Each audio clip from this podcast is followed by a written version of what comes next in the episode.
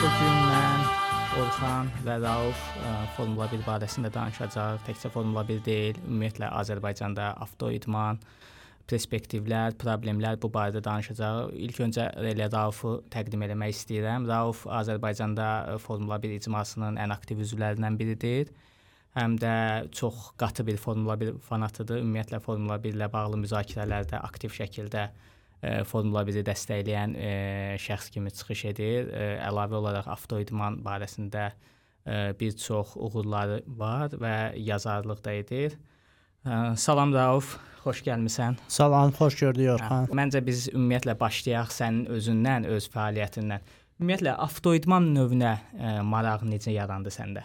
Avtoidman növünə maraq əslində məndə çoxdandan yarandı. Yəni hardasa artıq 25-26 il var. 97-ci ildə ilk dəfə e, bir yarışa baxmışdım. Elə o vaxtdan yarandı. Amma belə əsas belə bu idmanla dərindən maraqlanmaq 2002-dən, 2003-dən o dövrlərdən başladı. Çünki həmin dövrlər evimizə kompüter gəldi. Artıq internetə çıxış yarandı və yavaş-yavaş xarici saytları, forumları oxuya-oxuya daha da bu idmana marağım oyandı.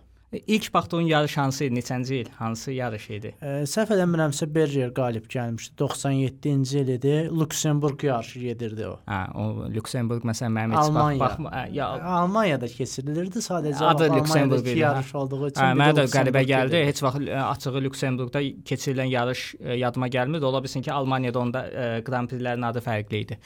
Okay. Bəli. Gəl belə e, Formula 1-dən davam eləyək. Ə, ümumiyyətlə Formula 1-ə necə başlamaq olar? Formula 1 pilotu olmaq üçün nə lazımdır? Yəni ümumiyyətlə F1 yarışçısı olmaq neçəyə başa gəlir? Hardan başlayırlar? Ə, məsələn indi bilirik də Azərbaycanda təbii ki, bu hələ ki yoxdur. Ə, bəlkə də arzusunda olanlar var. Ə, istəyirlər ki, öyrənsinlər necə başa gəlir bu. Belə deyim, Formula 1-ə başlamaq üçün əsas ə, pul lazımdır. Yəni puldan əlavə əgər yəni varlı bir atan olmalıdır. Varlı bir ata yoxdursa yaxşı bir sponsor olmalıdır. Amma sponsordan əvvəl özünü yaxşı göstərmək üçün də müəyyən qədər ə, öz cibindən xərcləməlisən. Məsəl üçün uşağı aparıb kartinqə qoymalısan, kartinq puldur başdan ayağa. Neçə yaşından başlayırlar? 5 yaşından, 4 yaşından başlaması daha yaxşıdır yəni. Hə, əməlli başlı onda çünki ən azından 16-17 yaşına qədər bir 10-12 il buna çox böyük bir vəsait yatırılmalıdır. Bəli, vəsait yatırılmalıdır. Hı. Yəni bu 5 yaşından bir məktəbə getsə, atası nə bilim uşağına bir go-kart alsa, bu yəni bir avtomobil qiymətinə demək olar yaxındır. Yəni Azərbaycan kimi yerdə onsuz da çox adam 10 ilin falan avtomobillərini sürdüyünü nəzərə alsaq, yəni yeni bir go-kart maşını e, na bir maşının qiymətinə bir avtomobil almaq olar. Ondan əlavə trek də lazımdır. Bəli, Təbii ki, maşını aldıq, gətirdi. İndi Hə. maşın ala bilənlər var. Məsələn, bağlarında Təbii görmüşük kvadratsikl falan ki, var. hə. Amma onun üçün infrastruktur da bizdə yəqin ki, yoxdur Yəni, ən hal-hazırda. böyük trasımız Bayıldadır. Yəni o Bayıldakı trasdakı, yəni nə dərəcədə yaxşı vəziyyətdədir, nə də dərəcədə bir məktəb üçün uyğundur, o müzakirə mövzusudur. Ümumiyyətlə ə, Azərbaycanın özündə avtoidmana maraq necədir? Yəni bu sahədə hansı imkanlar, hansı çətinliklər var? Nə düşünürsən? Azərbaycanda avtoidmana maraq ə, təəssüf ki, o qədər də güclü deyil. Məsəl üçün bir neçə il əvvəl ə, Dərnəgüldə bir karting ə, mərkəzi var. Orada bir məktəb yaranmışdı. Bir neçə il deyəndə 10-12 il əvvəl. Orada o vaxtda 10 yaşında, 9 yaşında uşaqlar gəldi. Ora orada məktəb keçdilər. Ə, aralarında çox potensiallı iki uşaq var idi. Yəni mən ə, inanırdım ki, bu uşaqlar çox yaxşı nəticələr göstərə bilərlər, amma ölkədəki şəraitsizlikdən onlar da itib batdılar. Yəni Yəni yox imkanlar da yəqin ki, yox idi ki, xaricə getsinlər. Yox, var idi imkanları. Yəni ora aylıq gətirib pul verirdilər. Yəni onların ancaq Formula 1-də gözlərini dikmişlər. Mən onları başa saldım ki, yəni Formula 1, yəni orada 22 nəfər yarışır. Yəni o 22-dən biri olmaq çox çətindir və siz daha başqa yönlərə yönlənin. Biraz vek düşündülər, biraz amma gördülər, yox, o da çətindir bu ölkədə. Çünki vek üçün də yenə tüklərdilmiş altı yapı lazımdır, baza lazımdır. Onu yığmaq üçün Formula 3-də yarışmaq lazımdır, Formula 2-də yarışmaq lazımdır. Onlar da puldur. Necə e, ora aparıb Formula 3-də yarışmaq üçün sən illik 500 min, 600 min, hətta 1 milyon vəsait ödəməlisən komandaya. Hı. Bunu tamam bir yerdən tapıb ödəmək olar, amma bu da böyük bir riskdir. Çünki sənin ilk ilində uğurlu olacağın təminat deyil, yəni qarantiya deyil. -hı, aydın. Yəni o 1 milyon manat, 1 milyon daha doğrusu avronun itib batması deməkdir. Təbii ki, risklər burada böyükdür. Bəli. Yəni bir çoxunda görmüşük ki, e, yəni imkanlı adamlar belə övladlarına pul Bəli. yatırıblar, e, elə məşhur ə, Formula 1 pilotlarının oğulları, övladları, qohumları ə, bu sahədə davam eləmək istəyib, amma ataların çox vaxt uğurunu qazana bilməyib və yaxud da ataları çox uğurlu olmayıb, övladlar uğurlu olub. Aydın məsələdir. Məsələn, Charles Leclerc götürək, yəni bir neçə il atası pul xərclədi, amma pulları bitmişdi artıq onların. O vaxtda ə, Jules Bianchi onu yarışarkən görmüşdü, onun istedadına heyran qalmışdı və Jan Totun oğlu Nikola Totun yanına apardı. Yəni o, o Jules Bianchi bəlkə olmasa indi Leclerc də burada olmazdı. Ferrari-də heç Ferrari-də olmazdı, Bəli. aydındır. Bəli. Ümumiyyətlə Azərbaycanda keçirilən F1 barəsində nə düşünürsən? Yəni burada ə, ümumiyyətlə Formula 1 barəsində danışarkən təbii ki, üstün cəhətlərini ən çox ə, ölkəyə gətirdiyi prestij, ə, turist axını və sairəndə danışırlar, amma digər tərəfdən də insanlar qiymət siyasəti və qazancla xərclərin çox da şəffaf olmamasına görə tənqid eləyirlər. Səncə bunlar ha haqlı tənqidlərdirmi? Yəni e, bir də nəzərə almaq lazımdır ki, məsələn mən indi bu gün əlimdə statistikanı açıram. Burada e, yəni bu açıq bir mənbələrdir. Azərbaycanda çox da e, bu barədə danışılmır. E, məsələn hansı ölkə Formula 1-ə nə qədər pul ödəyir? Yəni biz burada baxanda görürük ki, məsələn İspaniya, Amerika, Avstriya, Böyük Britaniya ildə 25 milyon dollara yaxın pul ödəyir. Hətta İtaliya, e, Fransa və Belçika ondan da azdır. Spa 22 milyon. Hətta onlar belə bu qiymətlərdən narazıdırlar bəzən. Ən ucuz isə təbii ki Monakodur. Hətta bəzən deyirlər ki, Monako ümumiyyətlə pul ödəmir, amma bəzi statistik statistikalarda deyilir ki, təxminən 10-15 milyon dollara yaxında pul ödənilir. Baxmayaraq ki, yarışlar maraqsızdır. E, bir Formula 1-in tacı adlanır deyə orada bir simvolik olaraq həmişə yarış keçirilir və düşünürəm ki, keçirilməyə də davam edəcək. Amma digər tərəfdən də biz baxırıq ki, Formula 1-də top ən çox pul ödəyən ölkələr ə, e, Qətər, Azərbaycan və Səudiyyə Ərəbistanıdır. Yəni iki neft ölkəsi, Azərbaycan da neft ölkəsi saymaq olar, amma biz ə, e, daha çox Avropada yerləşirik. 55 milyon dollara yaxın ciddi bir böyük puldur. Yəni ə, qayıdırıq suala. Niyə Azərbaycan ə, bu qədər çox pul ödəyir? Yəni problem nədən ibarətdir?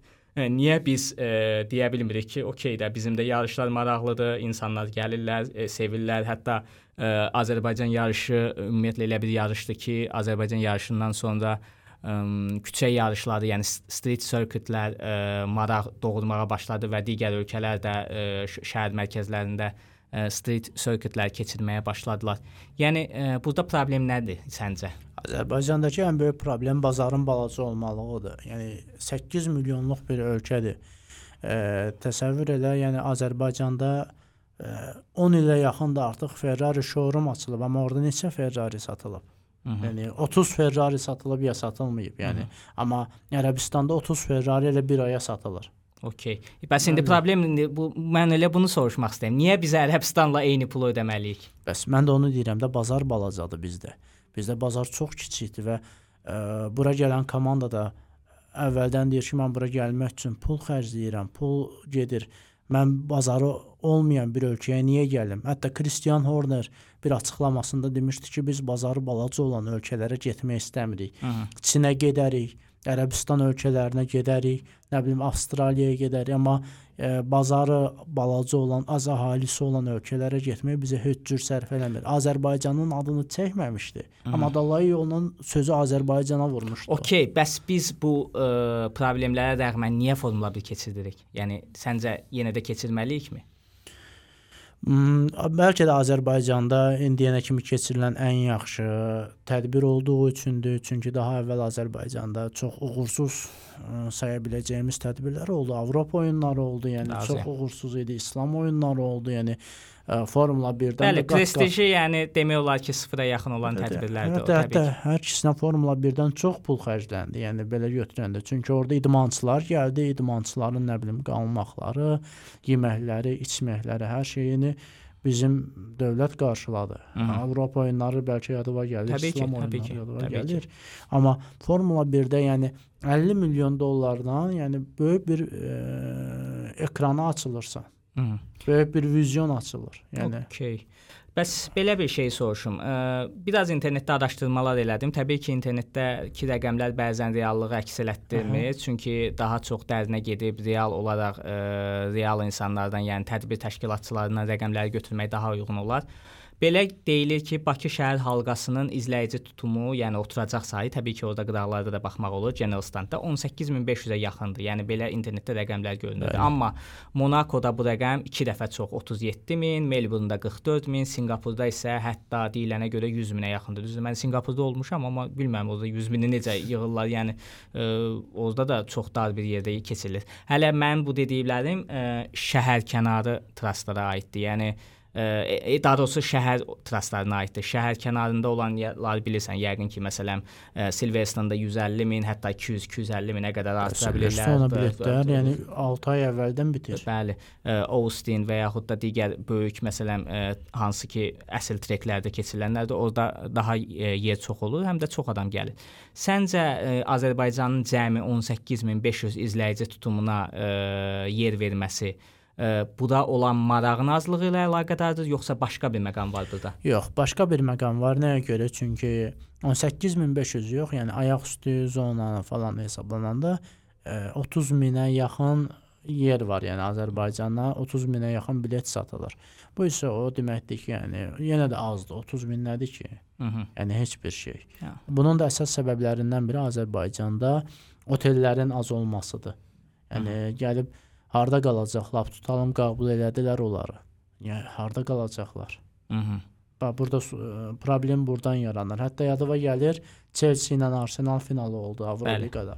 Orada da çox məhdud say verilmişdi və demişdilər ki, yəni çox adam etiraz eləyirdi, amma əsas səbəb orada da bu idi. Bunu açıq formada çox vaxt demirlər, amma e, otellərdəki yataq saylarına görə bunu hesablayıb belə qərar alırlar. Okay, bəs belə bir sual versəm, Ə, deyək ki, məsələn 10 18500 deyək, məsələn bizim kapasitemiz atıram 10 minlik bir turist kapasitemiz Hı var bir gündə qəbul edəcək qədər və yaxud 12000 deyək. Hə, məsələn səndə rəqəmlər də var.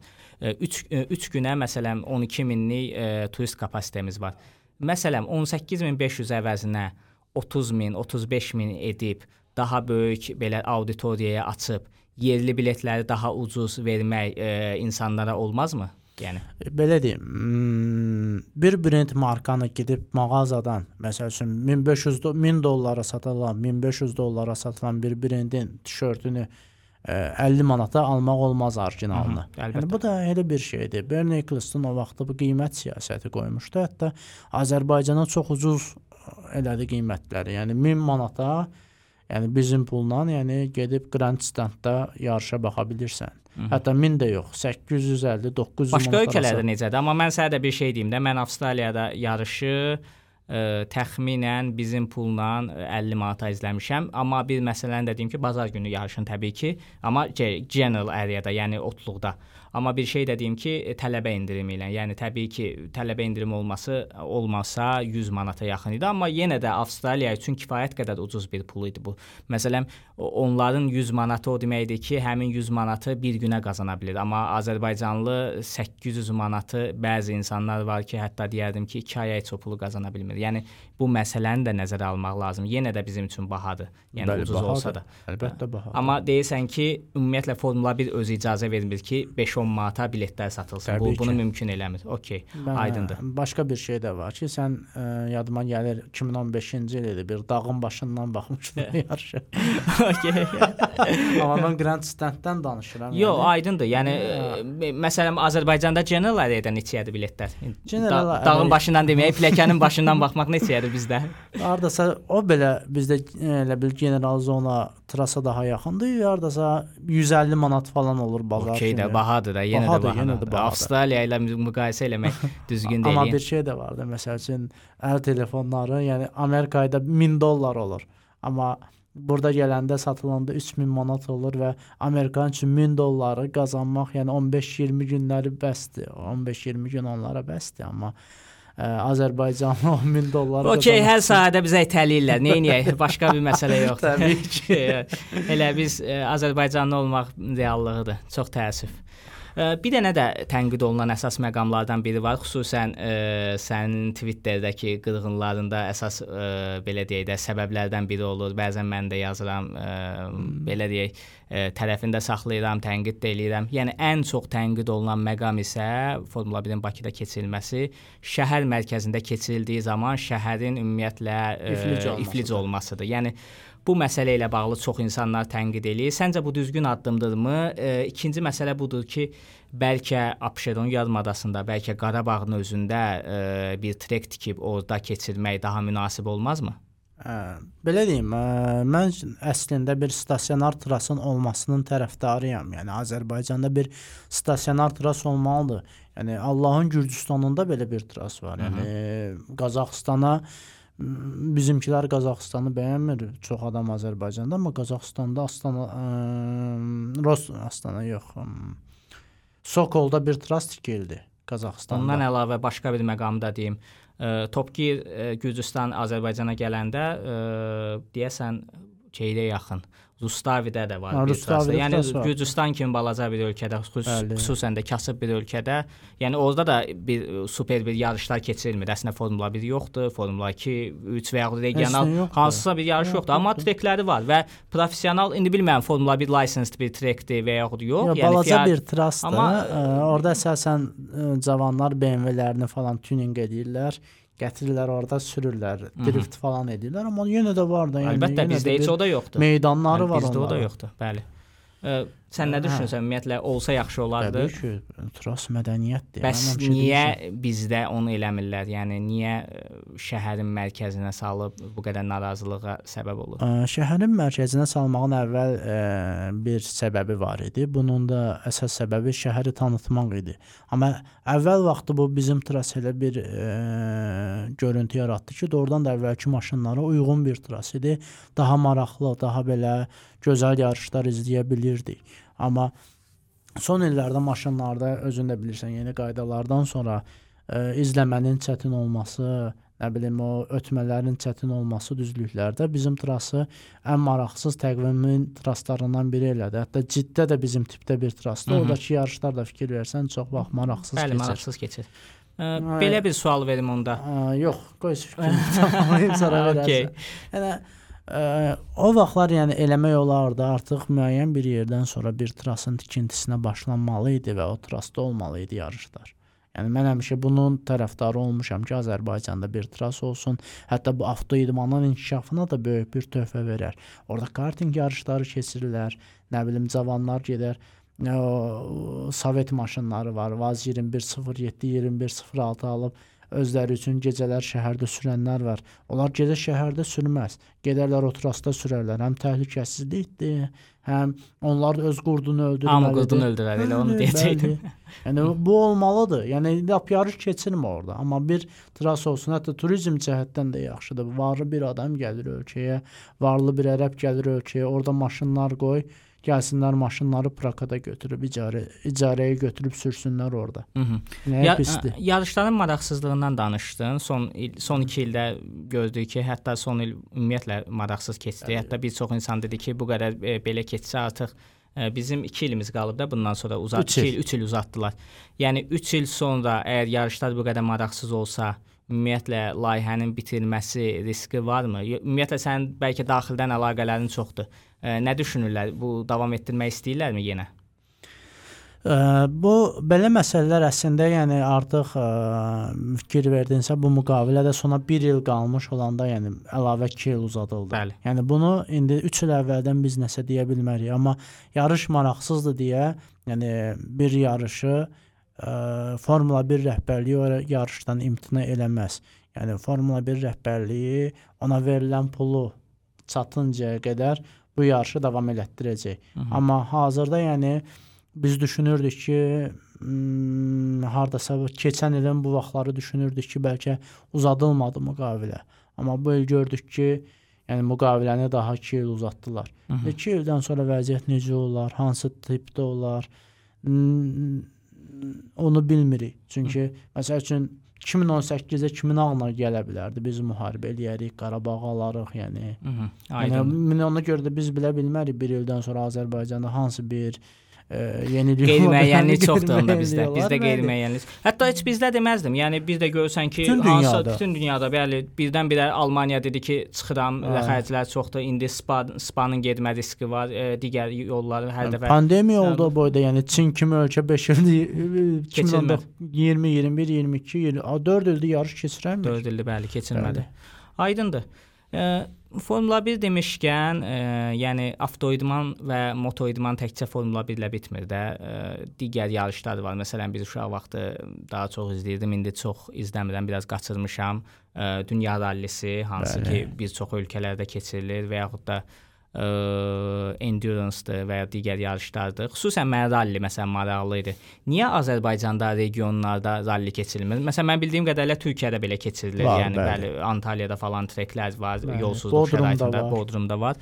Ə, bizdə niyə keçirmirlər? Yəni bunun xərci də elə çox deyil. Üstəgəl yolsuz yolsuzluq şəraiti də, dağlıq iqlim, səhra iqlimi, yəni hər cür şərait var bizdə. Mən düşünürəm ki, ralli yarışlarının da keçirilməsinə. Belə deyim, onun üçün əslində eləmək olar. Onun üçün nə lazımdır? Biraz hatchback formasında bir maşın, o maşını biraz ralliyə uyğun ə, tuning eləmək və bizdə yəni onu eləyə biləcək sürücülər varmı, Ə, onu bilmirəm. Mən açığı yerlini nəzərdə tutmurdum. Hə. Yəni e, V2C-ni, yəni şey e, da- WRC-ni daha doğrusu V2C Hə. deyirəm. V2C nə idi? WTC-sini Hə, WRC-ni, yəni World Rally Championship-də, yəni dünya rallisi, yəni lisenziyalı məsələn yarışlardan biri də 3 günlük, 4 günlük o trekin bir hissəsi Azərbaycandan keçsin. Yəni o mən onu nəzərdə tuturam. Orada necədir tələblər? Hansısa bir ödəniş falan varmı, yoxsa ki, necədir? Hə. təbii ki, orada da ödəniş var. Yəni bütün seriyalarda ödəniş var. Mhm, aydındır. Amma Formula 1 qədər, m, yəni düşünmürəm ki, Formula 1 qədər çox olsun.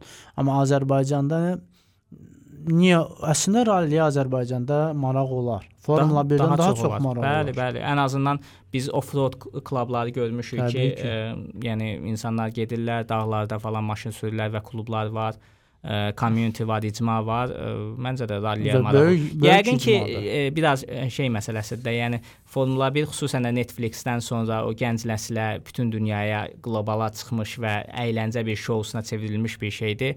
E, ralli isə hələ ki e, belə deyək, daha çox idman e, tipində qalmış və çox insanın izləmədiyi, yal- yalnız belə deyək, peşəkarların maraqlandığı bir yarışdır. Yəqin ki, ona görə bizim e, yəni ölkənin bəlkə marağında deyil onu Yox, keçirmək. yəni bunu yəni ə, eləmə fikirlər də yoxdur. Yəni bir Aha. planda da yoxdur. Məsəl üçün Formula E bir ara Azərbaycanda keçirilməsi gündəmdə idi 2017-də, Mhm. 2018-də, amma ə, WRC barədə heç bir söz hələ də deyilməyib.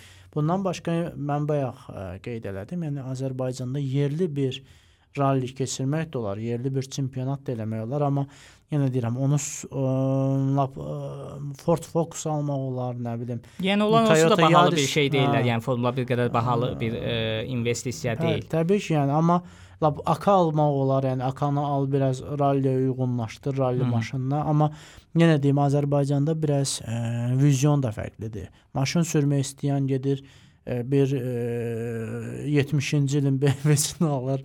Yəni o BMW-ni biraz tuning edir, başlayır ondan drift eləməyə. Hı -hı. Yəni Azərbaycanlıya nə Dri bilim e, driftdə daha maraq var da deyirsən. O adamları gedib desən ki, AK al, nə bilim, onlar o deyər ki, nə bilim, özünə yaraşdırmaz Hı -hı. bəlkə də onu. Toyota Yaris özünə yaraşdırmaz, amma gedib 70-ci ilin BMW-sini özünə yaraşdırır. Aydındır. Başqa bir sualım belə idi. Elə bayaqki məsələlərə gəlib çıxırıq. Azərbaycanda avtoidmanın gələcəyini necə görürsən? Yəni ə, bax özün dedin Formula 1 pilot olmaq çox bahalı bir şeydir. Ə, sonra necə deyim? Ə, ümumiyyətlə ya özəl bir sponsor lazımdır, ya dövlət ə, sponsoru olmalıdır. Yəni səncə ə, dövlət hansısa formada ə, bir kiməsə dəstək olub ə, Formula 1-də pilot Formula 1 üçün pilot yetişdirməlidirmi? Çünki biz ə, yəni bunun ə, Venezuelada. Venezuela кейsi var. Ə, yəni misal kimi ə, Pastor Maldonado bir canlı əfsanəmiz, ə, hətta əslində lağ eləyirik, amma ə, Williams da son qələbəni gətirən insandır. Ə, çox sürətli idi əslində, amma çox da bərbad bir yarışçı idi, amma sürəti var idi, saf sürəti və əsas məsələ odur ki, ə, Venezuela hökuməti Venezuelanın neft ə, fondu, yəni neft şirkəti ona sponsorluq edirdi. Amma bu ə, böhran başlayandan sonra, neft qiymətləri düşəndən sonra təbii ki, e, Venezuelada ona maliyyəni kəsdi və e, o yarışlardan çəkildi. Yəni təbii ki, e, Formula 1-də ya saf istedad olmalısan ki, səni hansısa komanda götürsün ya da ə, öz ə, arxanda bir böyük bir maliyyə vəsaiti olmalıdır. Biz, biz bunu Haas кейsindən də görürdük. Səncə Azərbaycanda vəziyyət necədir? Azərbaycanda ə, vəziyyət yəni tunelin sonunda mən bir işıq görmürəm heyf ki. Çünki Azərbaycanda mən ə, yeni yetişən bir sürücü görmürəm. Keçmişdə yenə var idi, Gülhüseyn Abdullayev vardı. Ona ə, Bakı şəhər halqası sponsorluq elədi, Didalar sponsorluq elədi, cənab Arif Rəhimov ona arxa çıxdı, amma yenə də bacarmadı. Formula 3-də yarışırdı, amma yəni 21-ci yerdən hər dövrə 2 saniyə yavaş qalırdı. Hı. Hətta birinci də yox, 19-cu yerdən, yəni özündən Hı öndəki sürücüdən 2 saniyə hər dövrə yavaş qalırdı və hələ o Gülhüseyn bir neçə məktəb keçmişdi, Türkiyədə məktəb keçmişdi, Avropada karting yarışlarına qatılmışdı. Yəni Azərbaycan ən karyerli, karyeralı yarışçısı idi. Ondan sonra bir neçə gənc oldu, amma onların bəxti gətirmədi. Çünki Azərbaycanda artıq sürücüləri elə işlərə ayıracaq pulu yox idi büdcədə. Hı -hı. Amma belə götürəndə mən həmişə yəni bir dövlətin bir idmançıya nəinki Formula 1 pilotuna, yəni başqa bir idmançıya da vəsait ayırmasına elə də tərəfdar deyiləm. Hı -hı. Yəni Bayaqda, Dövlət bu işə qarışmamalıdır. Yəni özəl ə, e, qurumlar, məsələn Avropada necədirsə, insanlar şirkətlər, ya, ya imkanlı yəni, insanlar, bəli. ya şirkətlər. Bəli. Ə, e, amma mən düşünürəm ki, ən azından dövlət infrastrukturunun yaradılmasında iştirak bəli, eləməlidir. Məsələn, ölkədə bir trek yoxdur. Yəni bayaq danışdığımız məsələ. Yəni ən azından trek olmalıdır. İnsanlar saf sürəti olanlar, saf istedadı olanlar gəlib ə, e, orada hansısa formada özlərini sübut eləməlidirlər ki, bəlkə Ə, indi bilmirəm Formula 1-də scouting falan varmı, ə, belə deyək də şey, ə, necə deyək? Bəli, komandaların ə, akademiyaları var. Yəni onların da skautlar olur. Hə, yəni məsələn bəlkə kənardan ən azından mən iddia eləmirəm Formula 1 üçün, amma Ə, biz bilirik ki, regional yarışlarda var, Formula Renault var idi, mən bildiyim qədərilə. İndi bilmirəm davam eləyir ya yox. Ya Formula Renault yəni, yəni ən azından baş, baş, başlanğıc üçün, yəni ən azından o da ə, belə deyək də hardansa başlamaq lazımdır. Onsuz da hamı başlayan kimi F2-də və ya da F1-də yarışmır. Ki, yəni hardansa başlayır. Sonraki, bəli, o period uzun period bir perioddur. Yəni 13-14 yaşında, 12 yaşında, 15 yaşında ən azından başlayırlar Av Avropa seriyaları, Asiya seriyalarına və ondan sonra Təbii ki, ə, aydındır. Rauf çox sağ ol, təşəkkür edirəm. Maraqlı bir söhbət oldu. Ə, tənqidlərə maraqlı cavabın oldu. Həqiqətən adekvat cavab idi. Təşəkkür edirəm yoldaşlar. Çox sağ olun. Çox sağ olun. Görüşərik.